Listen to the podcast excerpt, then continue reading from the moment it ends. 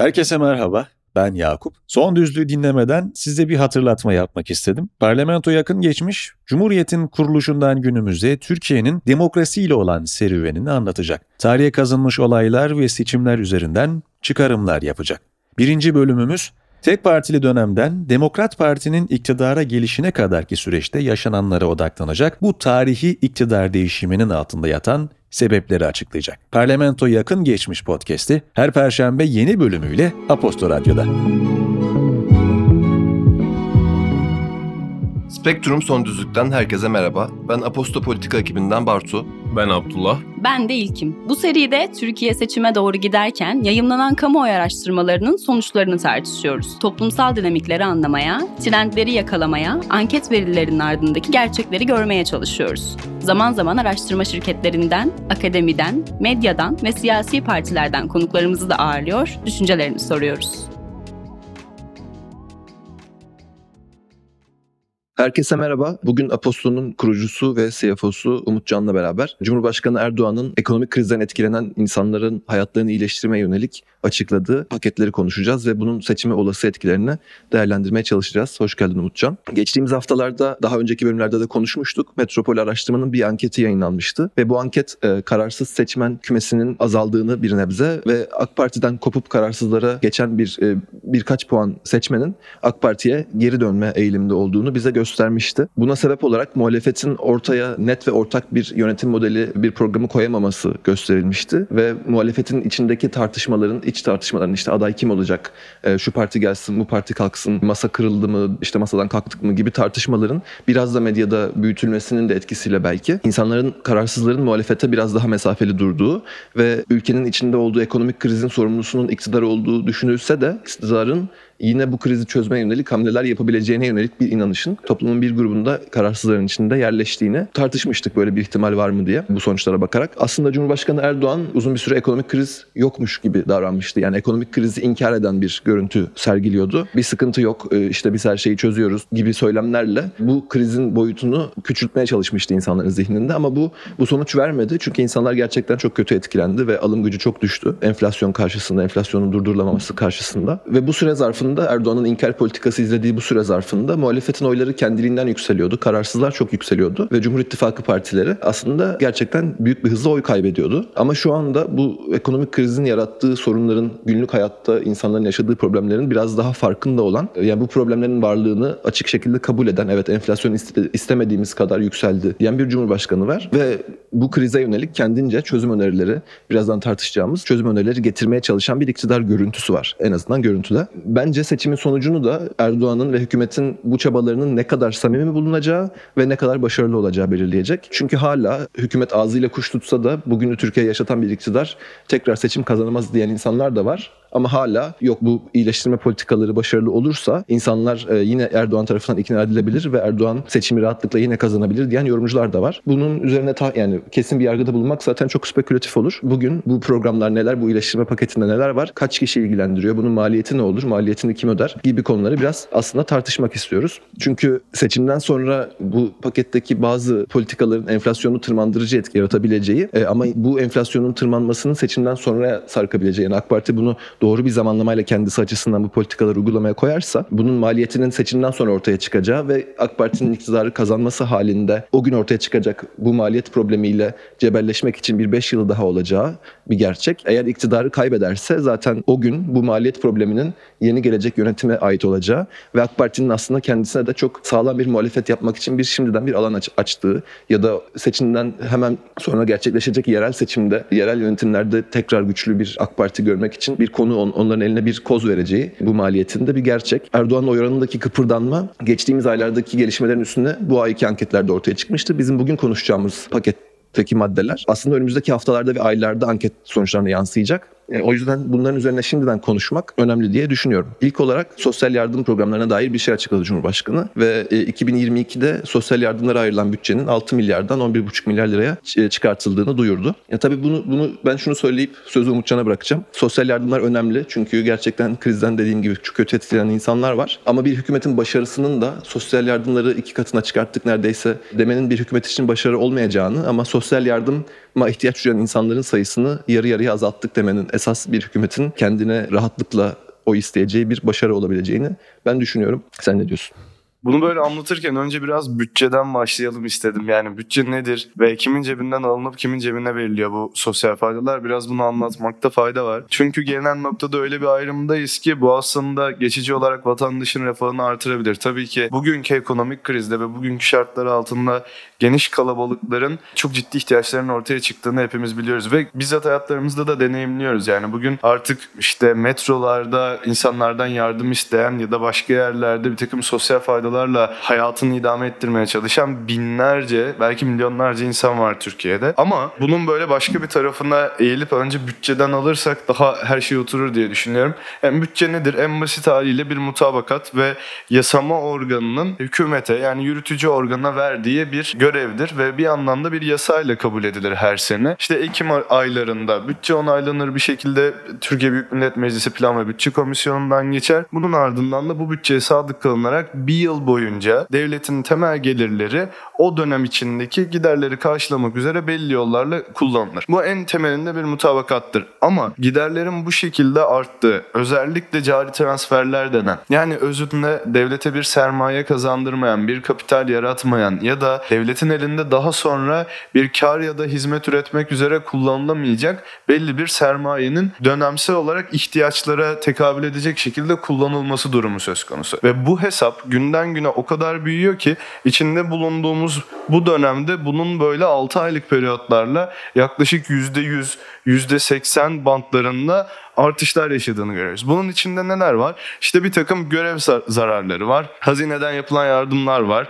E, sivil toplum kuruluşlarına harcanan belli meblağlar var. Ve bunun içindeki en büyük kalemlerden biri hane halkına yapılan yardımlar. Hem sosyal güvenlik kurumlarının hane halkına yaptığı yardımlar hem de devletin bir takım araçlar vasıtasıyla hane halkının hayatını korumak üzere yaptığı bir takım faydalar, ürettiği faydalar. Ama bu şu anda hali hazırdaki vaziyette de bütçede o kadar büyük bir gedik oluşturmuş. Halde ki bunun biraz daha ölçeklenmesi, biraz daha büyümesi daha sonraki iktidarın da baş etmekte çok güçlük çekeceği büyük bir zarar yazıyor. Ve bunun karşılığında da vatandaşın cebinden belli bir meblağın çıkması gerekiyor. Bu da nasıl oluyor?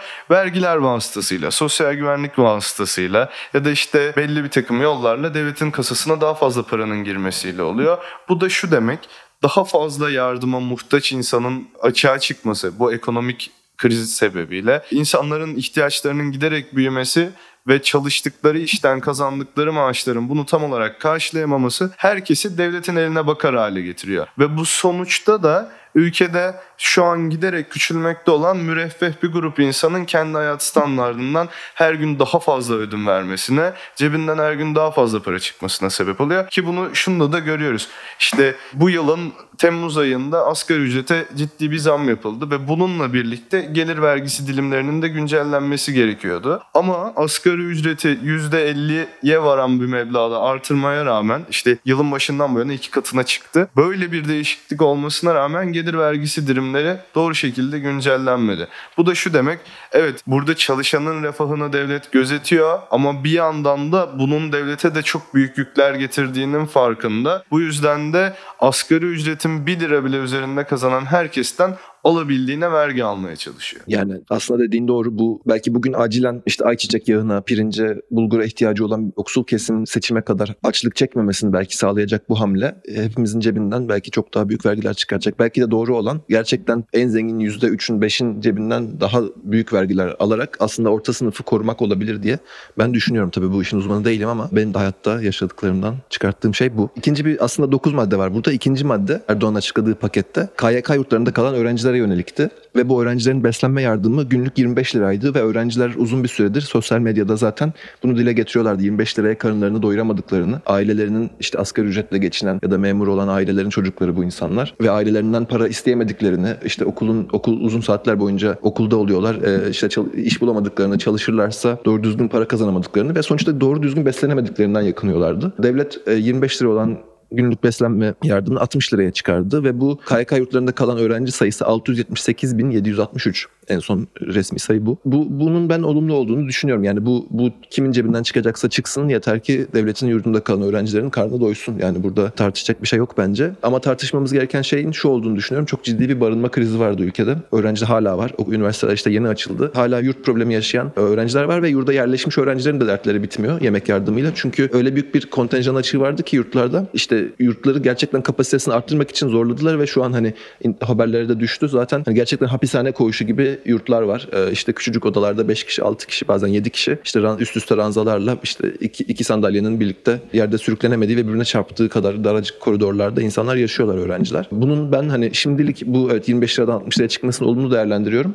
Ama seçimden sonra AK Parti kalsın ya da gitsin. Gerçekten o günkü hükümetin odaklanması gereken konuların en başında öğrencilerin Türkiye'de yaşadığı problemler yani hem eğitime yönelik hem de yaşam kalitesine yönelik öğrencilerin sorunlarının çözülmesi e, çok önemli diye düşünüyorum. Çünkü Türkiye'nin geleceğini de bugünün gençleri belirleyecek. Çok klişe bir laf ama doğru. Üçüncüsü senin çok daha iyi bildiğin bir konu benden. Çalışanlara işverenlerin verdikleri yemek kartlarına yönelik ve diğer işverenleri rahatlatacak teşviklere yönelik. Bunu bize biraz detaylandırır mısın? Çünkü ben dediğim gibi çok da anlamıyorum bu konudan. Tabii bu aslında yanılmıyorsam 99-2001 döneminde hayata geçmiş ve o zamandan bu yana pek dokunulmamış bir model ve bunun etrafında ortaya çıkmış bir grup şirket de var piyasada. Ne yapıyorlar? Belli bir fatura karşılığında şirketler onlardan yemek kartı hizmeti Bunu hiç alıyorlar anlamadım aslında. niye böyle bir şey olduğunu zaten. Bunun sebebi şu en temelde örneğin bir şirket çalışanına 1000 lira kadar yemek masrafı vermek istiyor. Bu 1000 lirayı net olarak çalışanına ödeyeceği şekilde maaşının üstüne eklemek isterse bunun üzerinden bir sosyal sigorta primi alınıyor. Bunun üzerinden bir gelir vergisi doğuyor. Bunun üzerinden bir takım farklı vergiler doğuyor ve bunun maliyeti günün sonunda işverene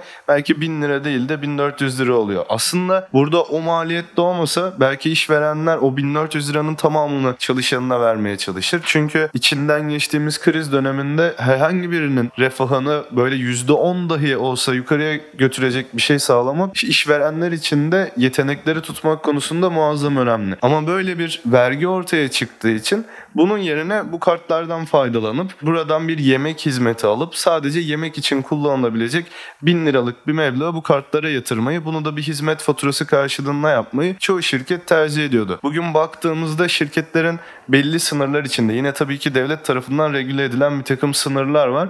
Bu sınırlar dahilinde çalışanlarına sağlayacakları yol masrafları, benzin masrafları, yeme içme masrafları vesaire gibi pek çok hizmeti sağlayan bir takım kartlar var. Bu gelen düzenlemeyle birlikte artık bunu çalışana direkt olarak elden vermek mümkün olacak. Bu tabii ki özellikle uzaktan çalışan ya da direkt aldığı bu parayı restoranlarda ya da iş yeri etrafındaki restoranlarda harcamak istemeyen çalışanlar için bir nevi maaş artışı gibi gözükecek. Çünkü orada örneğin bu 2000 liraysa bunun 1000 lirasıyla mutfak alışverişi yapıp işe kendi evinde ürettiğini bu kriz ortamında en azından getirebilmek çok daha anlamlı olacak. O yüzden bunun hem işveren tarafında hem de çalışan tarafında bir karşılığı olduğunu düşünüyorum. Ama burada benim gördüğüm yani yine bir girişimci olarak bunu söyleyebilirim. Bu alanda faaliyet gösteren ve uzunca zamandır bu hizmetleriyle sektörde bir yer tutmuş belli bir grup şirket vardı. Ve bu şirketlerde çalışan evine ekmek götüren insanlar da var. Krizin getirdiği bir durumdan kaçınmak için doğru reformları uygulamak yerine bu tarz manevralar yapmak günün sonunda bu şirketlere de zarar veriyor. Hani bu şirketler bir borsada yer alıyor olsalardı belki oradaki hisse ederleri %70'in 80'in üzerinde düşmüş olacaktı. Bu şirketlerin karlılıkları muhtemelen bu yılın 3. çeyreğiyle birlikte derin bir şekilde düşmüş olacak ve nereye gideceğini hep beraber göreceğiz. kimsenin kullanacağını sanmıyorum. Bir diğer gelişme bence en önemlisi bu. Yani e, seçime etkisi anlamında en önemlisi bu. Çünkü en kalabalık grup bu. EYT'liler hem en kalabalık hem de gerçekten hepimize EYT'liler ger- büyük bir ders verdiler. Yani nasıl örgütlenilir, hükümetin üzerine nasıl baskı kurulur, istedikleri bir konuda farklı gruplardan olsalar da farklı ideolojilerde olsa da e, bu insanlar ortak bir amaç için nasıl bir baskı grubuna dönüşülür? Gerçekten bunu yıllardır gösteriyorlar. Yani her siyasi partiyle iletişim halindeler. Her yolla medya aracılığıyla, sivil toplum aracılığıyla, sosyal medyada her şekilde hükümete dertlerini bir şekilde duyurdular. Ve şunu başardılar. Çalışma Bakanı e, Vedat Bilgin Aralık ayında emeklilikte yaşa takılanlar konusunda bir program açıklanacağını, bu çalışmanın tamamlandığını dile getirdi ve EYT'li denilen insanların sayısı 5 milyon. E 5 milyon insanın emeklilikle ilgili bir sorunu çözmek demek, onların ailesini de ekonomik olarak rahatlatmak demek. Yani en azından 10 milyon, belki 15 milyon insanın hayatını doğrudan ilgilendiren bir konuda hükümet Aralık ayında bir adım atacak. Bu konuda ne düşünüyorsun? Yani EYT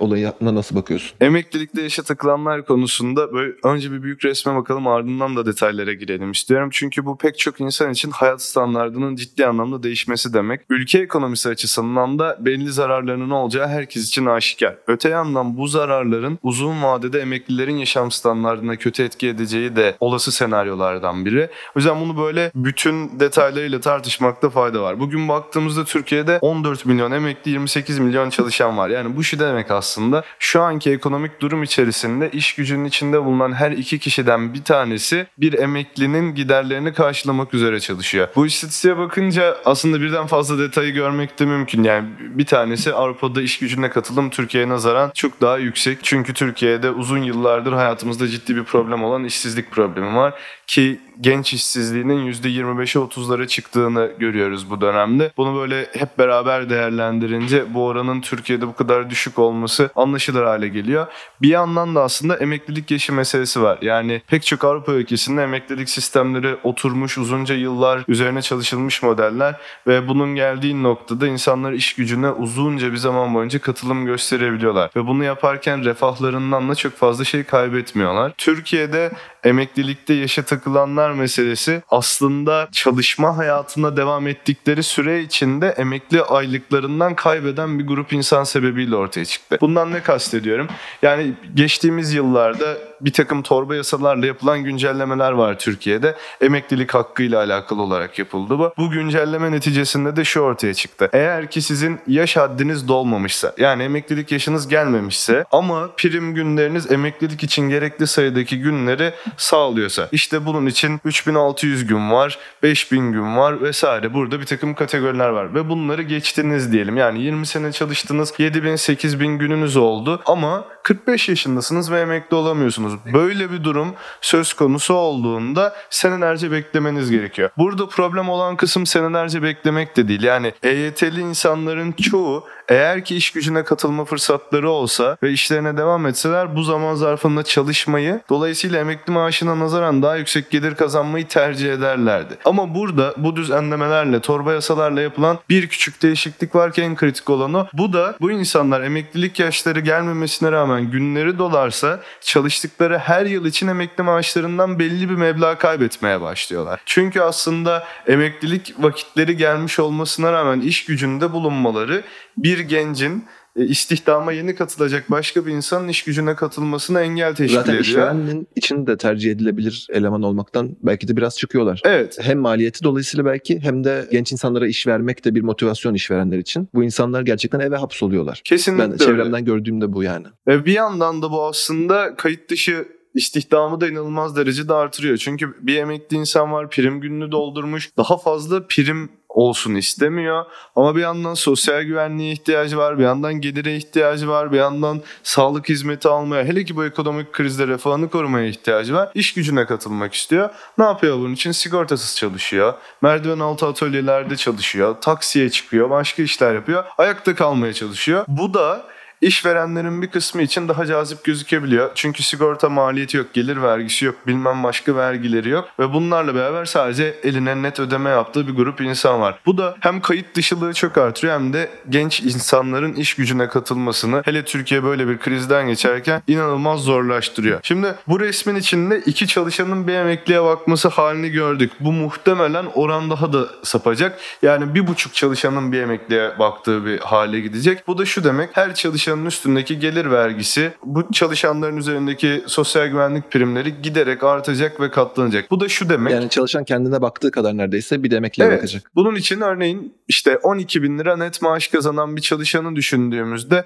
bugün bunun işverene maliyeti 15-16 bin ile 20 bin lira arasında yıl içinde değişirken belki bir süre sonra bu maliyetler işveren için 25-30 bin lirayı bulabilecek. Çünkü bu primlerin artması gerekecek ya da gelir vergisi giderek yükselecek. Bu da çeşitli problemleri beraberinde getirecek. Emeklilikte yaşa takılanları bütçede yaratacağı açığa bakarsak eğer yani bu insanlar emekliliği ihtiyacıyla yaşıyorlar şu anda. Emekli olmaları halinde refahları çok yükselecek ama oldukça da kalabalıklar. Yani 99-2022 yılları arasında iş gücünde olan ve 99 yılında iş hayatına katılmış yaklaşık 10.9 milyon çalışan varmış Türkiye'de. Bu çalışanların 3.7 milyonu henüz emekli olamamış. 7.2 milyon da bugüne kadar emekli olmuşlar. Şimdi bu 10.9 milyon çok önemli. Çünkü intibak yasasıyla alakalı konuşurken de buna değineceğiz ama buradaki 7.2 milyon insan minimum 3500 lira olmak üzere inanılmaz kötü şartlarda bir hayat standartını yaratacak maaşlar alıyorlar.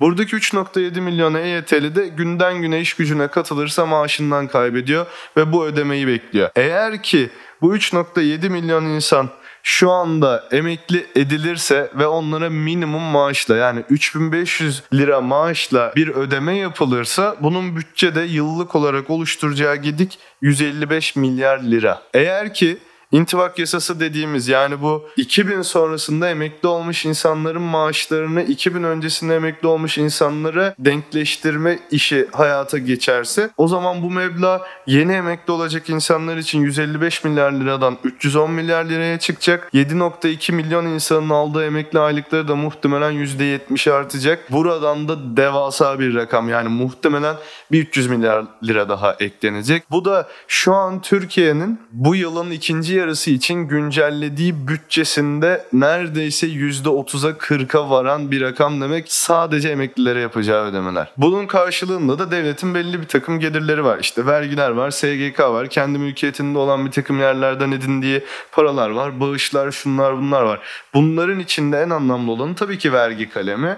Bu da vatandaşın her yaptığı işten vergi verilmesi, nefesin dahi vergili olması anlamına geliyor. Tabii ki biz ödeyeceğiz. Yani işte bugün araç alırken fahiş vergiler ödüyorsak, bugün en hafif hizmetler için bile %8-18 KDV ödüyorsak, bunun dışında işte motorlu taşıtlar vergisi bilmem ne Araya, vergisi. araya gireceğim. Ya burada sanki hükümetin bunun zamanlamasını öyle bir ana denk getiriyorlar ki sanki kim neyin bedelini ne kadar ödeyecek bu tam anlaşılmadan yalnızca bu işin faydasını görecek insanların bu faydayı hissettiği ama bu işin yükünü sırtlanacak insanların bu yükü hissetmediği bir dönemde seçime gitmek gibi bir strateji olduğunu ben düşünüyorum. Bu, Kesinlikle. bu zamanlamaya sen de katılıyor musun? Çok katılıyorum çünkü bu bütün etkilerinin 6 ayda görüleceği bir model değil. İşte EYT'liler eğer emekli edilirse Aralık ayında ve maaşları bir şekilde de 2000 öncesinde maaş almaya başlamış emeklilere denkleştirilirse o aradaki refah artışından belli bir süre insanların memnun olacağını düşünüyorum. Ama uzun vadede devletin böyle bir bütçeyle ayakta kalabilmesinin tek yolu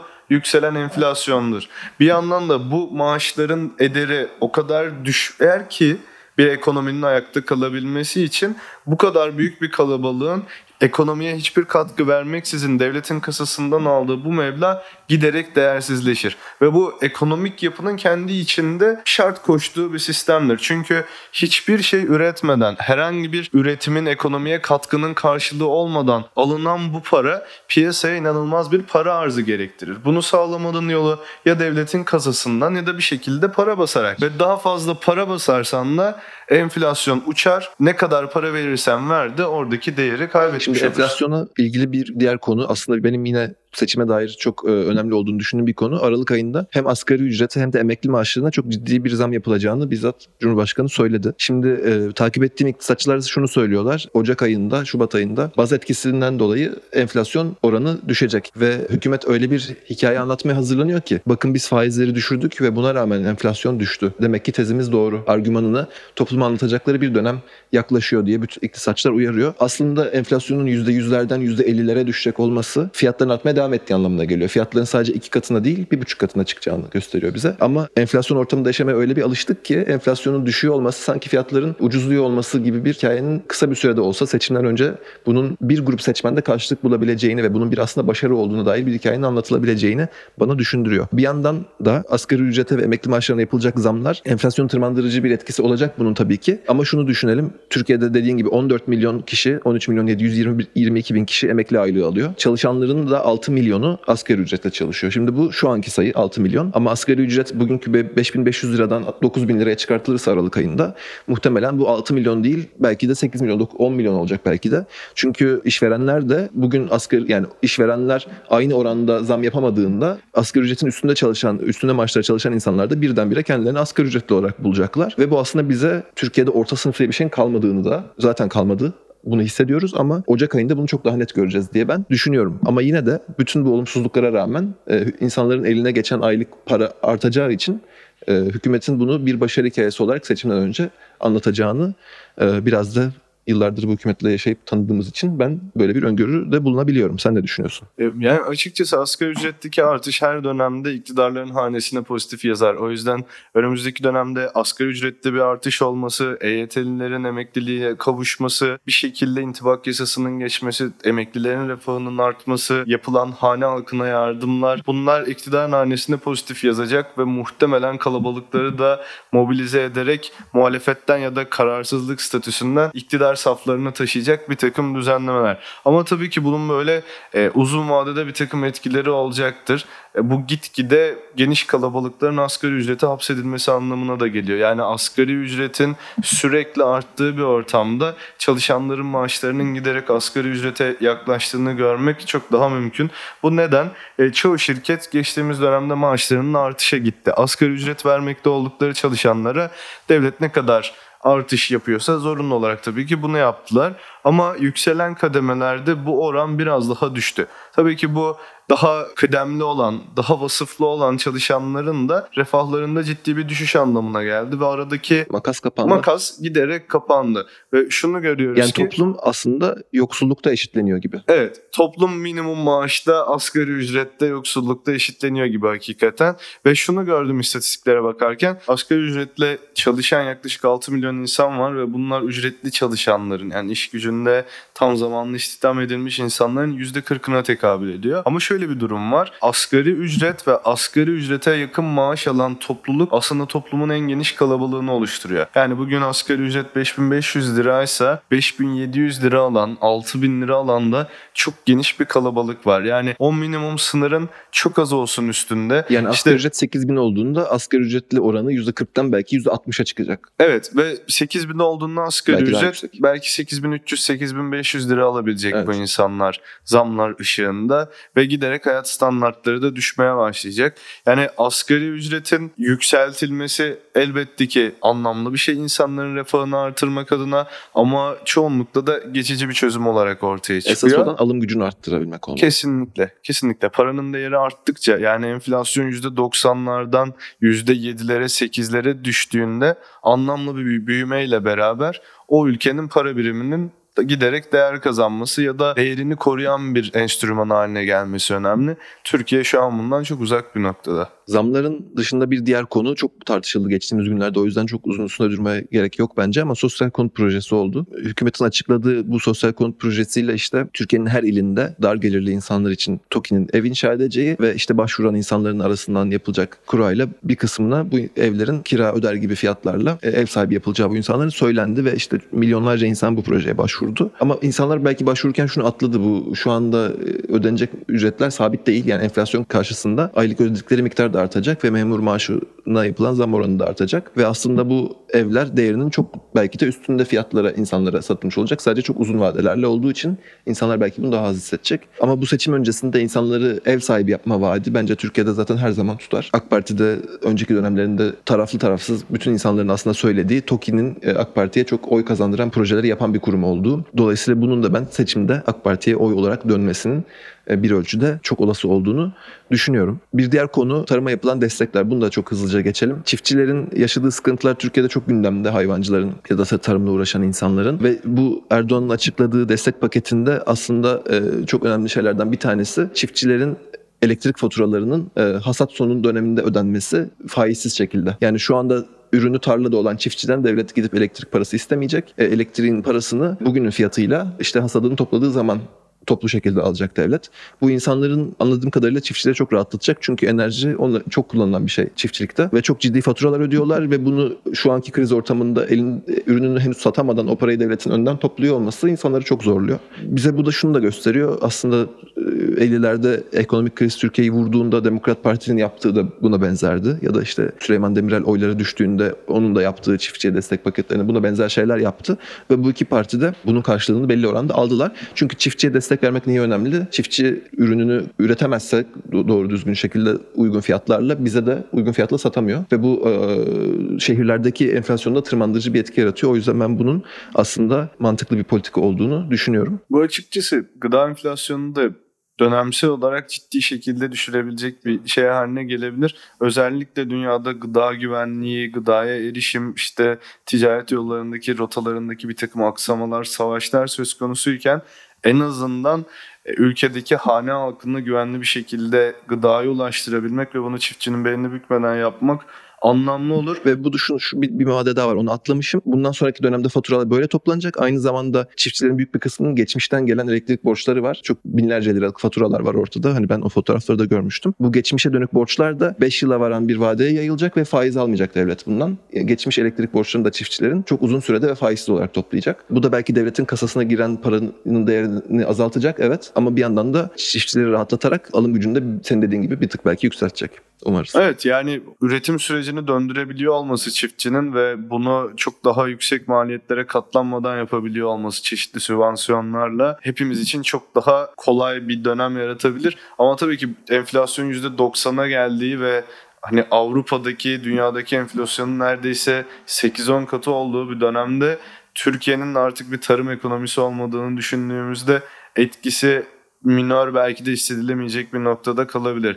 Ama EYT meselesinin ölçeğine baktığımızda işte 3.7 milyon EYT'nin ortalama aile büyüklüğünün 3.5-4 kişi olduğunu düşünürsek totale vurduğumuzda yaklaşık 15 milyon insanı Türkiye'de bir şekilde etkileyeceği ve bunun da 1 milyon dahi oy hareketliliğine sebep olsa ciddi bir dönüşümü beraberinde getireceği söylenebilir. Hani Ya EYT tahminimce şimdi bu yüzde dörtlük bir farka, yüzde beşlik bir farka tekabül Olabilir. edebilir yapıldığı Yani halde. EYT'lilerden ya o kadar tepkili EYT'li mesaj okumuştum ki ben yıllardır EYT'liler bunu istiyordu. Dolayısıyla hani muhalefetin oradaki bu konuyu sürekli gündeme taşıyan muhalefet partileri de oldu. EYT'lilerin ne kadar hükümet bunu yaptı diye hükümete oy verir. Ona çok emin olamıyorum. Çünkü gerçekten hükümete bu, bu, bu adım attırana kadar EYT'liler o kadar uğraştı ve muhalefetle o kadar dayanıştı ki EYT'lilerin ne kadarı bu program yapıldı diye iktidar oy verir onu bilmiyorum. Birazcık hızlanacağım. Son iki madde var pakette önemli olduğunu düşündüğüm. Tıpkı elektrik sübvansiyonu gibi devlet e, şehirlerde yaşayan e, dar gelirli insanlara bu kış 3 milyar liralık doğalgaz desteği verecek. Şimdi anlatılan hikaye şu ve aslında Avrupa'da yaşanan da şu işte Rusya ve Ukrayna savaşı sebebiyle Avrupa'daki doğalgaz akışı ciddi kesildi ve bu kışı Avrupalılar nasıl geçirecek e, bunu konuşuyorlar ciddi ciddi. Avrupalı yoksulların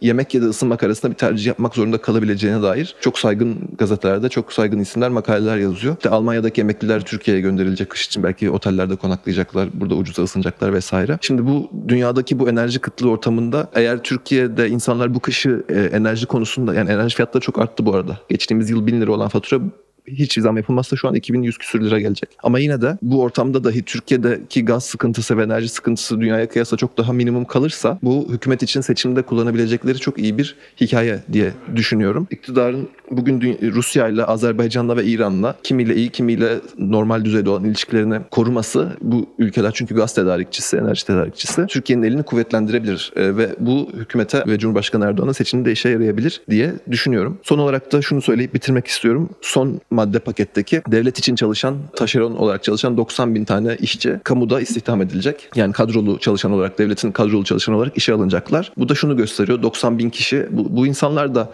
çok ciddi bu taleplerini dile getiriyorlardı uzun yıllardır. Bunun şu an yapılıyor olması 90 bin de çok küçük bir sayı aslında. Türkiye'deki seçmen sayısını düşündüğümüzde. Bu da bana şunu düşündürtüyor. Eğer hükümet 90 bin tane e, işçiyi kadroya geçirip bunu bir seçim hamlesi olarak görüyorsa demek ki bu seçimin çok kıran kırana geçeceğini düşünüyordur. Yani 90 bin oyun peşindeyse Erdoğan. Biz çok çetin geçecek bir seçime doğru gidiyoruz. Bu bana sadece bunu düşündürtüyor. Açıklanan diğer adımlarla beraber baktığımızda yani totalde belki 15 milyon bu politikalardan etkilenecek topluluğun içinde 90 bin kişi ve aileleriyle birlikte diyelim ki 400 bin kişi önemli bir noktadaysa bence de hakikaten öyledir. Ama bunun bir sonraki iktidar için yani şu an Millet İttifakı da iktidar olsa, Cumhur İttifakı tekrar iktidar olsa da ciddi büyük yükleri olacak. Çünkü kamuda kalabalık bir kadrolaşma devletin üstünde ciddi bir kamburu oluşturur her zaman. İşte bu kimi zaman bir takım verimsizliklere de işaret edebilir ve ona gidildiği noktada bir memuru özel sektöre göre değerlendirmek o kadar da kolay değildir. Yol boyunca bu problemlerle de yani 2000'lerin başında yaşadığımız devletin kamu iştiraklerinin yaşadığı bir takım verimsizlikleri tekrar tekrar görme halini önümüzdeki dönemde de görebiliriz. Nitekim bankaların çok büyük karlar açıkladıkları %200, %250 karlar elde ettikleri bu dönemde kamu bankalarının sürekli zarar ediyor olması, sürekli ekside yazıyor olmaları buna çok net işaret ediyor. Çünkü kamu iştiraklerinin giderek daha kalabalık kadrolara sahip olması toplumun büyük kesimini de zarar pahasına olursa bile iktidarın politikalarından etkilenecek noktaya götürüyor. Bu da bir seçim hamlesi olabilir ya da daha merkeziyetçi iktidarları uzun vadede ayakta tutmaya da yarayabilir. Ama bir süre sonra etkileri ortaya çıktığında ekonomik krizlerle mücadele etmekte çok çok daha güç hale gelir. Bizden bu haftalık bu kadar. Önümüzdeki hafta görüşmek dileğiyle.